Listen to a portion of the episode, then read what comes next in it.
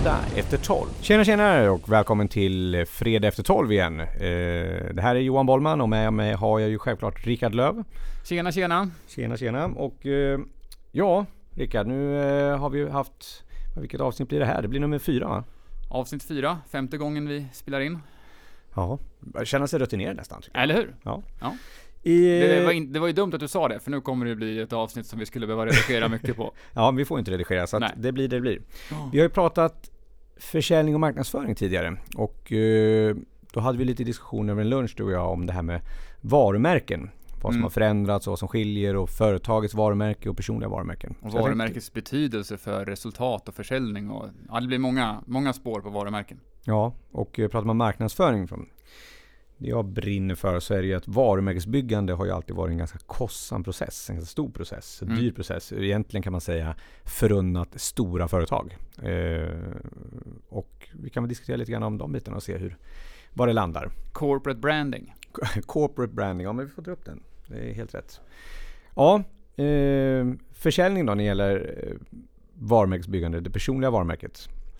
Ja, eh, en sak som vi snackade om när vi, när vi lunchade där, det var ju våran historia av att vilja jobba på och erfarenhet av att jobba på eh, företag som har ett starkt varumärke och Precis. hur viktigt vi tyckte att det var framförallt i kontaktfasen. Mm. För, och då började det, fan nu börjar vi bli gamla Johan, det här är ju 20-25 år sedan. Jag har inga kommentarer där. Nej, men, men teoretiskt sett skulle det kunna vara 20-25 år sedan som, som, det, som, det, som de tankarna var som, som allra viktigast.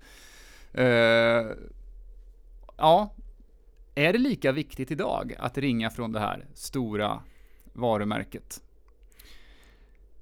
Nej, jag tror faktiskt inte det. Eh, I min karriär, som du pratade om lite tidigare i livet där, så, så var ju ett av målen att ha det här starka varumärket och kunna säga hej, jag ringer från företaget A och eh, det vara mycket lättare än att säga från företaget B som var ett Mm. inte lika starkt varumärke. Det var en mycket enklare dörröppnare. Mm. Men som vi pratade om senast, idag är ju kontakten med kunden i köpresan ofta mycket, mycket senare i köpresan.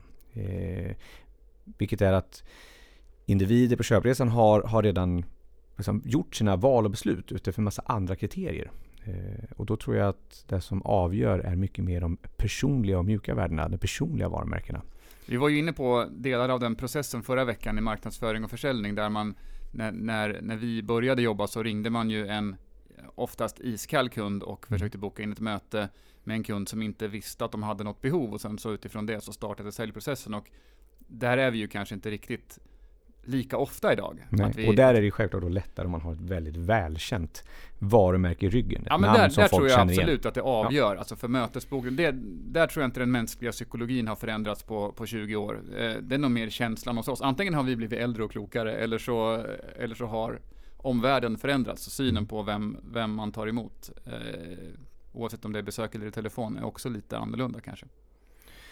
Eh, Ja, och när det gäller för företag som bygger varumärken idag. Eh, när man går ut i de nya kanalerna som speciellt sociala kanaler så är det ju när företaget går ut och man, berättar om eh, vad man kan och inte kan så eh, blir det ofta klassat som reklam. Och det är den delen som ofta blir negativt. Ja. Eh, till skillnad mot när de som egentligen bär varumärket i företaget, personerna, eh, förmedlar sina personliga varumärken och därigenom lyfter företagets varumärken. Tänker du på de som är anställda nu då eller? Då tänker jag på de som är anställda. Ja, ja. ja. Eh, eller de som äger och driver bolaget. Oavsett vem det är, representanter för företaget. Mm. Sen, sen har det kommit in en massa andra fenomen som inte fanns. Det, när jag tänker i alla fall på varumärke så som det var när, när du och jag var lite yngre och grönare än vad vi är nu. Då, då tänkte man ju på allt från, alltså de här ganska basic grejerna. Hur kunden ser på oss som företag och snygg, man vill ha en snygg logotyp och ett välkänt varumärke och allt det där. Men eh, det har ju kommit in bland annat det här CSR-arbete, alltså folk promotar ju sitt corporate social responsibility-arbete Mm. på ett helt annat sätt idag. Mm. Eh, och även den här ehm, employer branding, Ja. som också har blivit viktigt ja, och liksom medarbetarhälsa. Eh, alltså det är många andra saker som bygger in och fyller varumärkena idag. Än kanske vad det var förut. Ja men precis. Eh, och sen kommer vi in ända ner till där i alla fall jag tror att eh, de här grejerna har blivit viktigare och den, det personliga varumärket på oavsett om du är anställd eller inte så är det personliga varumärket känns viktigare idag än för 20 år sedan. Jag kan ha jättefel där, men det känns som att i och med tanke på att man kommer in, kunden kommer in i alla fall för, den, för säljande bolag så kommer kunden in mycket senare i processen och då blir det mycket viktigare med vem man gör affär. Mm. Eh, och att man då också söker rekommendationer i, ett annat, eh, i en annan omfattning idag mot vad man gjorde förr. Vad tänker du? Ja, och sen är, ja absolut. Och sen är det ju alltså om ett företag förut hade ett antal anställda mm. så uh, i den gamla masskommunikationstiden innan före den digitala eran så fanns det ju inget sätt för de personliga varumärkena, alltså styrkorna man har i sin organisation, mm. kunskap, man, eh, passion, alla de delarna, att nå ut. Det var ju inte så att om du var en anställd hos mig så, så tog jag kort på det och gjorde en helsida i Exallanda. Det här är Rickard Löv. Uh, utan, han har passion. han, han, är en passionerad typ. Mm. Uh, men det fanns inte liksom kanalerna att nå ut. Ja, det kanske Nej. fanns, men det fanns inte värde att spendera den känslan. Där. På sin höjd så hade man en bild på all personal som visade hur glada och trevliga man mm. såg ut.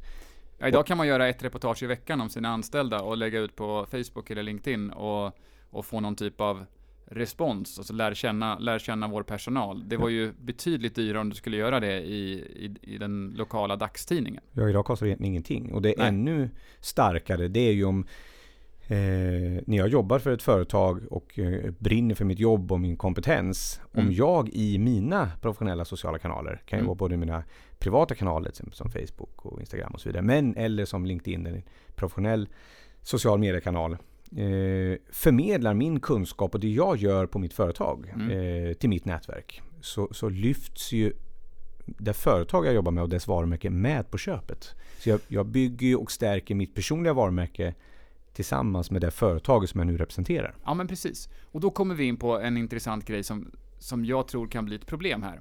När man väl blir medveten om det personliga varumärket och det personliga varumärkets vikt för framgång. Speciellt om vi snackar entreprenörer. Det här är ju ändå en podd som vänder sig mycket till mm. entreprenörer och folk som driver företag.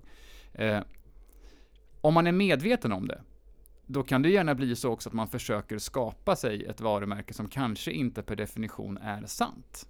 Att det blir lite krystat, att det blir lite tillgjort, att det blir lite plastigt.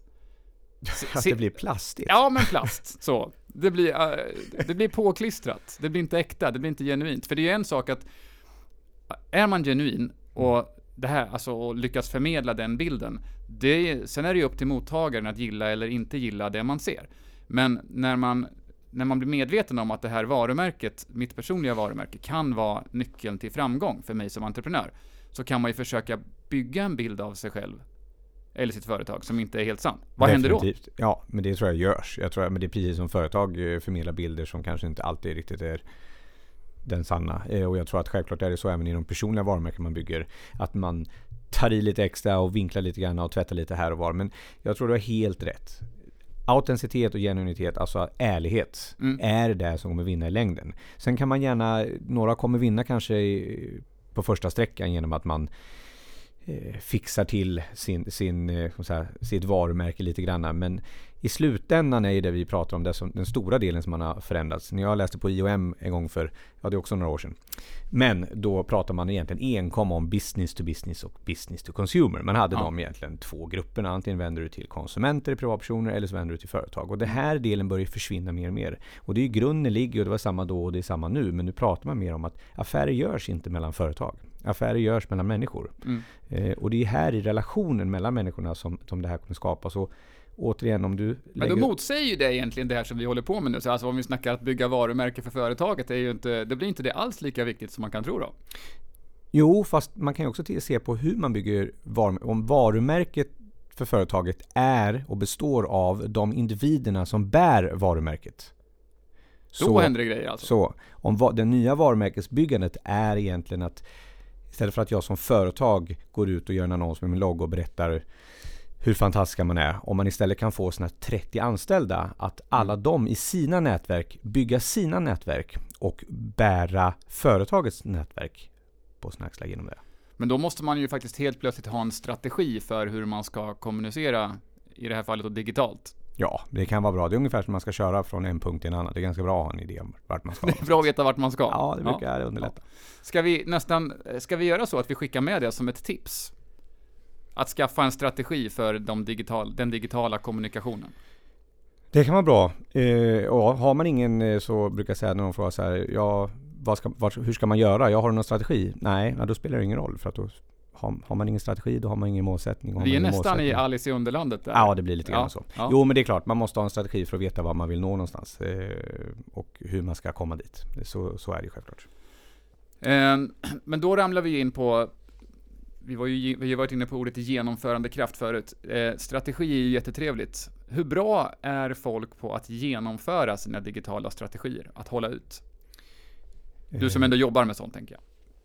Gärna digitala strategier. Ja, Ja, men om vi, om vi tar det som ett exempel, för det blir ändå så att om man är som lite mindre företag vill börja bygga varumärke så blir det ju ganska nära till hands att gå till de digitala kanalerna för det är mer eller mindre gratis. Mm.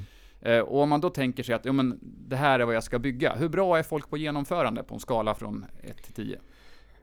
Ja, genomförande är bara att, att lägga ut något i någon social kanal, det går ganska Att- lätt. Ja, men att Eh, hålla sig till strategin och verkligen fortsätta vara att bygga, att bara hålla på och jamsa ut en massa skit på, på Facebook och LinkedIn, det är ju inget svårt. Det kan ju vem som helst göra, men det, Ja. det leder ju inte någonstans och kanske framförallt inte till målet med strategin. Nej, och jag tror att det kommer av en liten annan anledning. Och, och det är att vi kommer från en vi kommer från en marknadsföringsperiod Mm. av där kanalerna bestod av masskommunikation.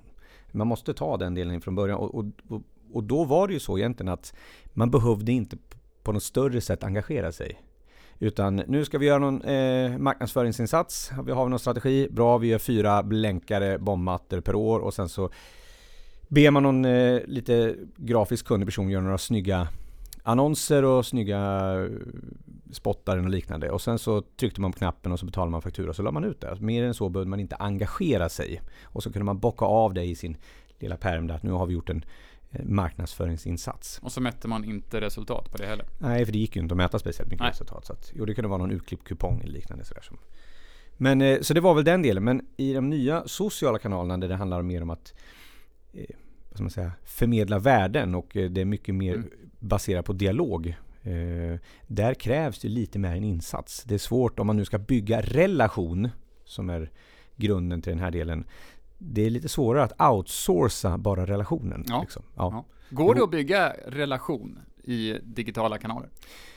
Ja, absolut går det att bygga en relation. Sen vilken relation, sorts relation, men i alla fall insteget till relation. Mm. Eh, sen, Eller fortsättningen kanske, om man, har en, om man redan har en personlig relation så kan man stärka den. Ja, och sen bygga relation. Det, vore, det är nog många som skulle bli arga om man säger nej, det går inte eftersom det är ganska mycket internetdejtande här i världen.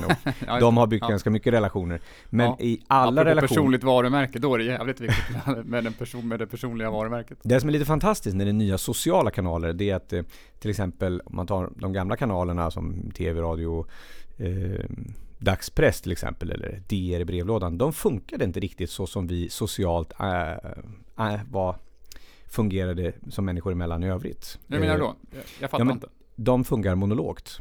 Ja de, eh, ja, de funkade. Jag tyckte, funkade Ja. inte tyckte du Ja, sa. Ja, det okej, var de funkar inte. Ja, mm.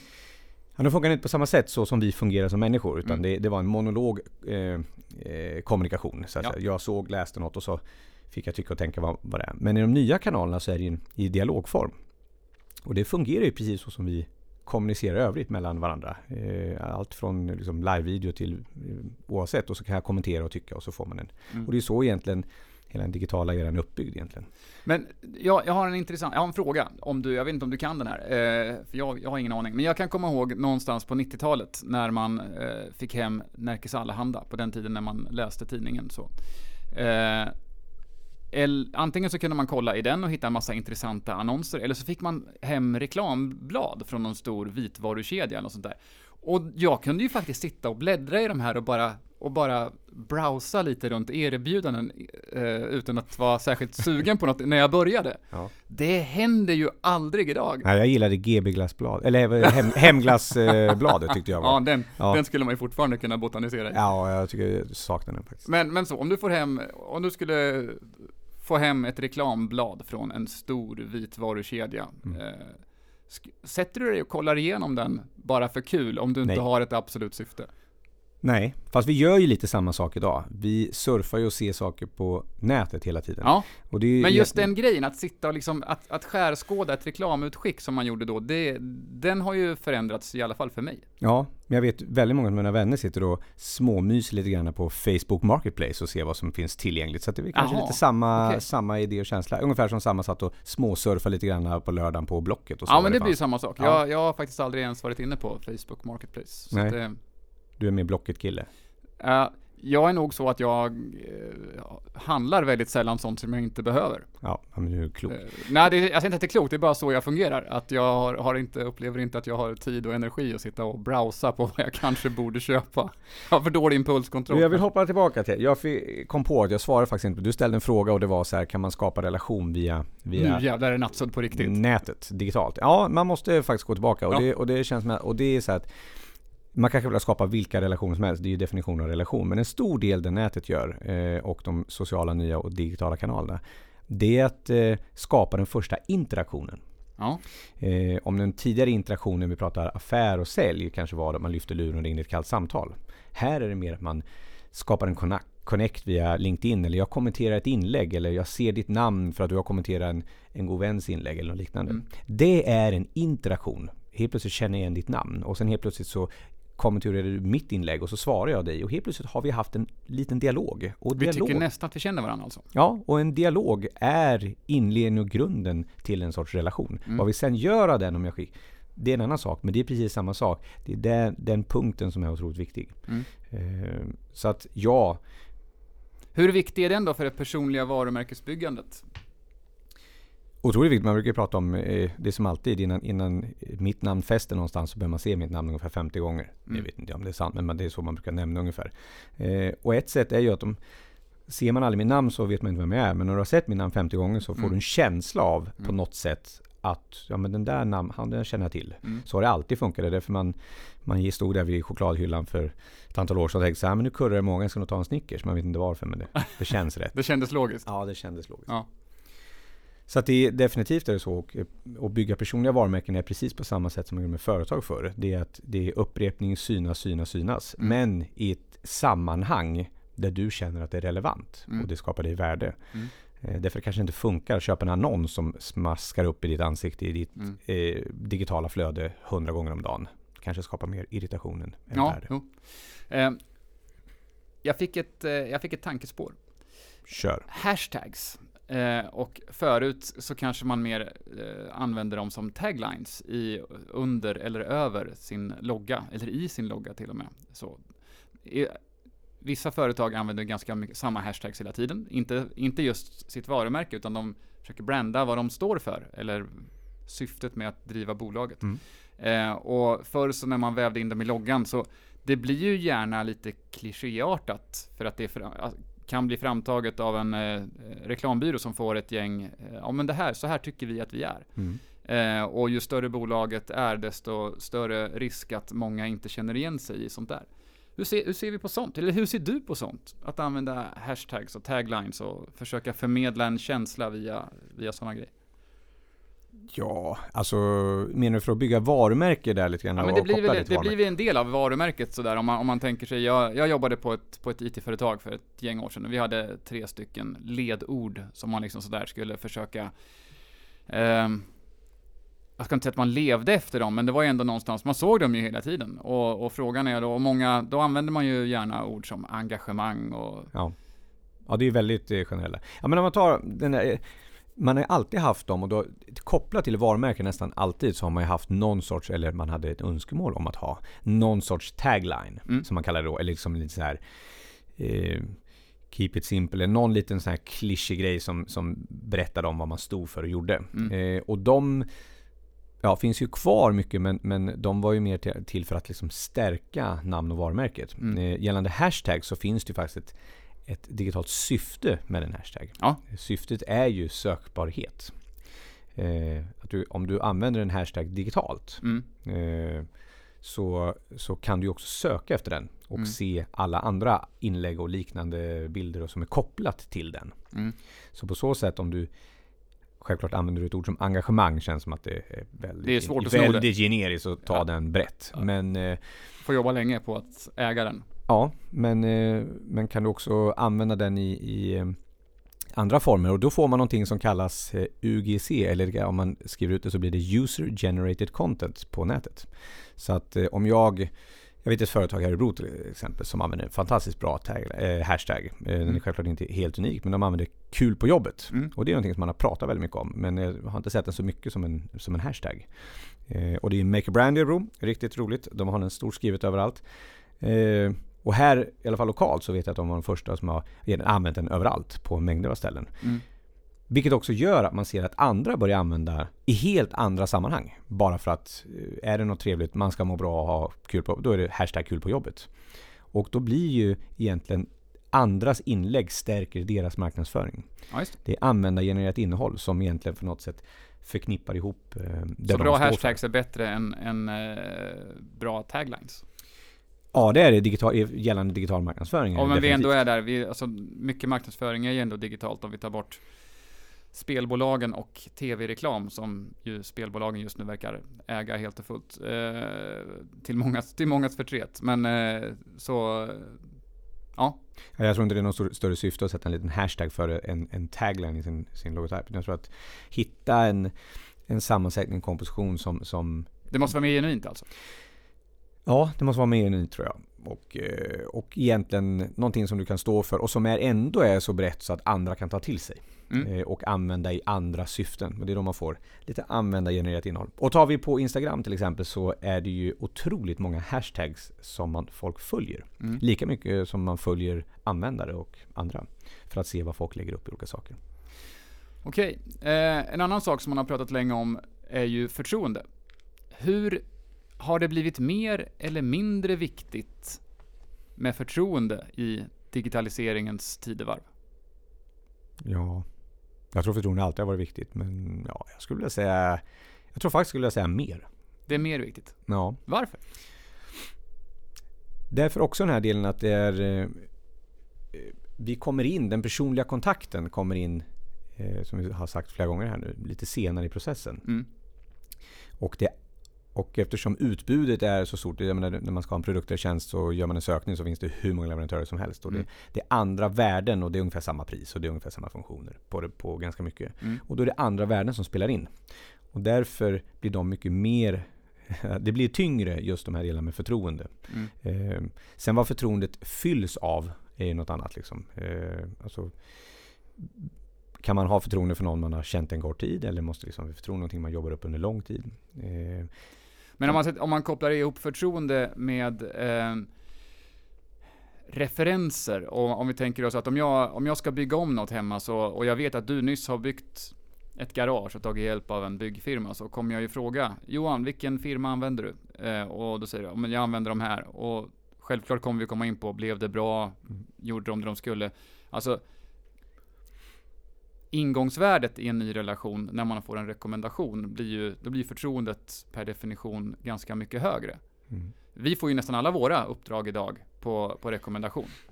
Ja, ja absolut. Och det, men det med rekommendation, eller förtroende menar jag också, det, definitionen av förtroende har ju liksom, förr var ju mun till mun metoden. Mm. Den, var liksom, den var som det låter. Mm. Någon kom till mig och berättade mm. om du de här är bra eller var, ja, så var det från mun till öra hela tiden och så, så hade man den delen. Idag är ju även Eh, om jag är nöjd med någonting och så lägger jag ut en, en schysst bild på Facebook mm. så ser kanske 4000 personer det. Ja. Eh, och då är frågan, de Har du fyra... så många kompisar på Facebook?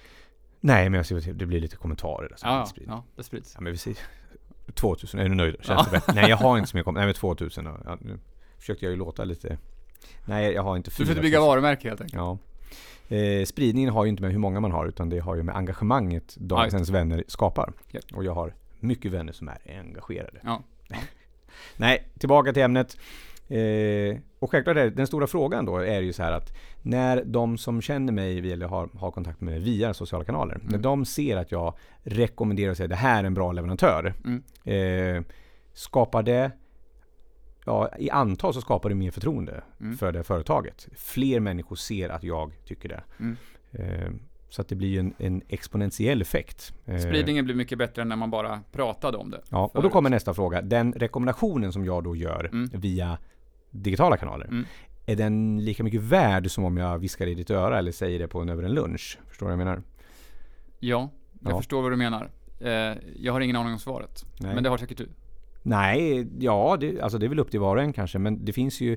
Jag tänkte att det fanns en undersökning. Ja, ja, det kanske, ja det finns det säkert. Det finns väl mycket undersökningar. Om det är någon som har gjort en sån undersökning så får ni gärna skriva in en tittarfråga. Då får ni skriva in i tittarfråga eller så kan ni skicka en bild via Snapchat. Yes. Nej, men alltså det är bara att gå till, till, till hur vi gör och hur vi är. Ja. Eh, går vi in på en resesajt och tittar på en, på en resa eller på en sajt där vi vill köpa en produkt. Och, och så är det, jag tror de flesta klickar på recensioner eller, eller referenser eller betyg. Kolla eller, ratings liksom. Ja, ratings. Eh, och menar, står, det, står det 20 stycken i topp där som säger att det är dålig kvalitet, gick sönder på en, på en gång, fick Mm. inte leveransen i tid eller dålig frukost och eh, dåligt städade rum. Mm. Liksom. Ja, då blir man ju negativ. Fast frågan är, känner du de som har skrivit det här? Mm. Fast Det du tar fortfarande oftast. till det. Ja. Eh, så Ja, det det, finns ju ett värde. En, en annan grej som jag upptäcker i, i mina flöden mer och mer nu, det är att eh, det är mycket vanligare att folk går ut och söker rekommendationer. Alltså, vet du någon som är bra? Jag, jag har det här behovet. Mm. Vet du någon som kan hjälpa mig? Väldigt ofta så, det vanligaste kanske är hantverkare. Att man behöver ha hjälp med någon som kan fixa eh, VVS eller eh, måla om eller bygga ett staket eller något sånt där. Men gjorde man det? Hur gjorde man den grejen för? Den gjorde man inte. Ja, ja, gick man Du annonserade ju inte i tidningen att hej, jag behöver, jag behöver någon som kan hjälpa med det här. Som Nej, fast du sprang ju inte över till grannen och frågade du vilket snyggt garage du har. Vem har byggt det? Eller? Ja, ja men du, det lär ju ha varit en snävare krets om man frågade. Ja, definitivt. Ja, det var ju de närmsta. Liksom. Ja. Men det blir ju också det att då vart det ju bara de få. Så tog man fram telefonkatalogen och så bläddrade man upp snickare. Och sen Ja. så fanns någon utav dem där som grannen hade. Ja, då... Så annonsering var helt enkelt viktigare på den, alltså om vi går tillbaka 20 år än vad det är idag. Eh, ja, det kan man Den säga. typen av sökmedia-annonsering var viktigare. Ja, Det är ju självklart viktigt om, om folk letar efter dig eh, Mm. och inte hittar dig. Mm. Ja, är du inte där så är, ju, är du inte där. Då är ju någon annan inte. där, så det är inte så konstigt. Ja. Det, den delen pratas ju inte så mycket idag, men det är ju samma sak. Idag är det väl inte så mycket telefonkataloger Nej, man söker i, kanske. Eh, men Nej det är synd. Jag kan ju sakna den lite grann. Ja, men självklart söker jag eh, anlita snickare eller bygga garage eller liknande på Google. Eh, spelar ingen roll hur mycket rekommendationer jag har fått av människor. Ja. Men söker jag där, om jag nu använder Google och söker, det är väl några som gör tror jag, Mm. per dag. Eh, jag menar, är jag snickare och inte syns där så lär man ju inte liksom hitta mig och ringa i alla fall. Liksom. Nej. Så att det är ju självklart att, men syns man där kanske och har fått väldigt mycket rekommendationer Mm. via andra kanaler personligen och via lunch och allt vad det kan vara. Eh, och nätverk. Eh, då har man ju liksom både 1 plus 1 plus 1 plus 1 och sen blir det oftast bra. Mm. Så jag tror att det det är som det alltid har varit. Egentligen är det ju så att det funkar som det alltid har funkat. Vi eh, lyssnar på andra blivit människor. digitalt. Ja, vi lyssnar på andra människor, men i och med att det har blivit digitalt, så precis som det digitalt har gjort, det är att det har blivit exponentiellt. Det har, det har blivit mångfaldigat. Så istället för att fråga en granne så, så tar du till dig åsikter från mängder av människor. 10 000 reviews. Är vi får du, bättre på att selektera då? I den informationen vi får? nej, jag tror att det är crowd. Det är lite grann som, eh, alltså ungefär som crowdsourcing och crowdfunding. Det blir ungefär Mm. som crowd reference. Mm. Man samlar vad väldigt många. Det blir en statistisk, vad ska man säga, statistiskt korrekt. Ja. Man tittar, ju fler det är som har, har, och det är många som tycker någonting, då tycker man ungefär likadant. De här borde vara bra. Tillräckligt Ja. många tycker att de här är bra, så det borde vara bra. Ja, jag har en eh, liten tes, den kan man väl slå på om man vill, men eh, det är att vi köper inte längre det du säljer, vi köper det andra köper. Det är Mm. lite så vi, vi tänker i mångt och mycket, att vi Mm. gör som, som andra gör. Eh, och hur man utnyttjar det i sin kommunikation och marknadsföring, men möjligheterna finns ju där. Ja, det finns väl många tecken på att, det, att vi är ganska duktiga på att haka på. Allt från mediadrev till nya prylar till de varumärken som många tycker är bra. Så det, det stämmer nog ganska bra. Och kommer man in till det här med varumärken då så är det ju det är ju stora frågan är ju Tittar man på hur det ser ut eh, eh, vad, man säga, vad man siar om Så när man tittar Mm. på de stora varumärkena så för, förutspår man bland annat att en, eh, 40% av de 500 största eh, Fortune 500-företagen Mm. eh, kommer vara borta inom kort. Mm. Eh, och man har ju sett ganska många Eh, inte kanske man tänker på det dagligen, stora tunga varumärken som har, har fallit som man kanske inte trodde. Eh, och det här är lite grann det vi pratar om, liksom, även fast det är tunga, stora, eh, gamla varumärken som helt plötsligt faller för om det finns ingen naturlig, som det var kanske förr, ett nytt stort varumärke som har svingats upp och sen så eh, puttar ner det andra. Utan det är som en mängd små. Eh, jag tänker bland annat på ursäkta, eh, Toys R Us som, som eh, var Mm. en sån här del. Där man, där man, så fort man fick höra att de hade, hade fallit och gått i konkurs så börjar man nästan tänka så, okej men vem är, vilka, vilka andra stora man som har klivit upp? Och så börjar man inse att det finns ingen tydlig liksom, annan som bara har klivit över och över på. Utan det består av en mängd små andra varumärken som har, har tagit dess plats. Ja, just. Ehm, jag läste också att snitttiden som företag finns med på den här Fortune 500-listan har eh, gått från i runda slängar 40 år till i snitt 14. Oj. Eh, så det, det, det händer ju mycket. Ja, det går, det går lite snabbare där. Det finns ju säkert några som kommer att, eh, jag vet inte hur länge, vissa företag tycker man har varit med väldigt länge och borde ha varit där väldigt länge. Apple till exempel. Men det är ju ett förhållandevis ungt bolag om vi jämför med, ska vi ta General Electric eller något sånt där, som Mm. har funnits i över 100 år. Mm.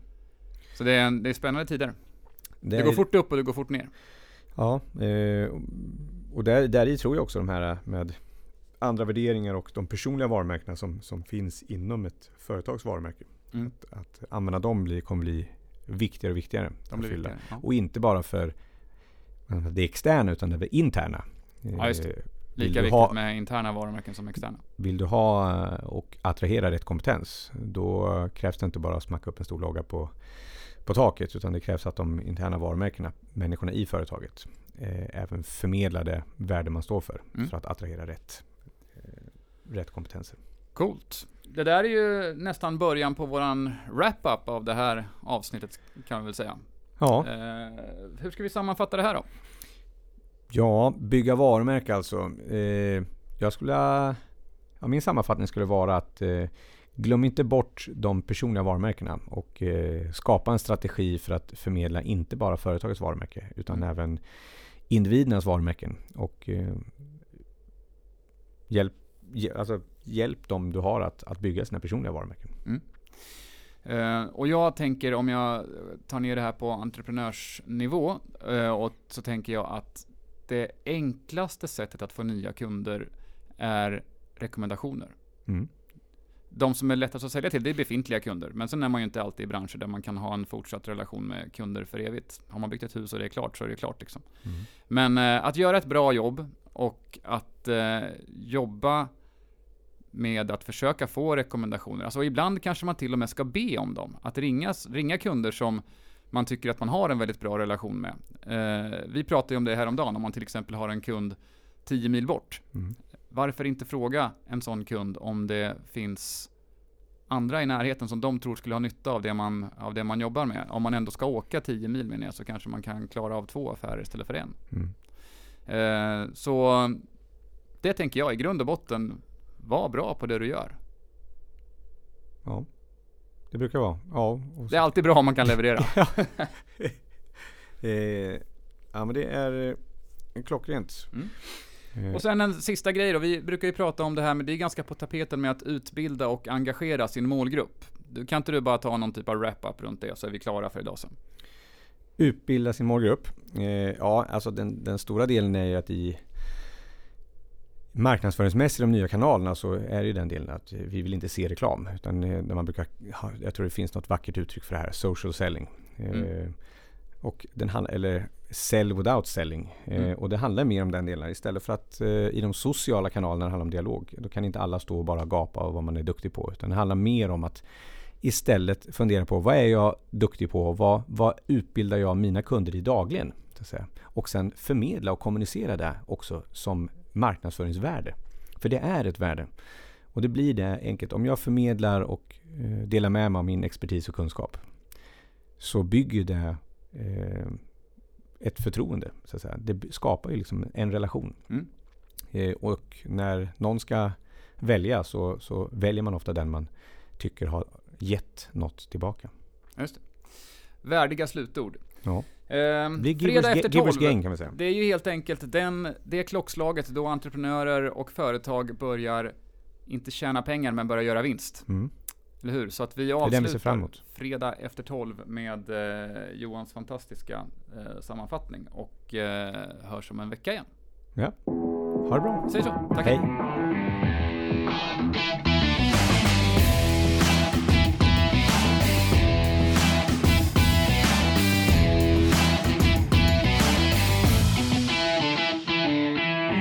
Fredag efter 12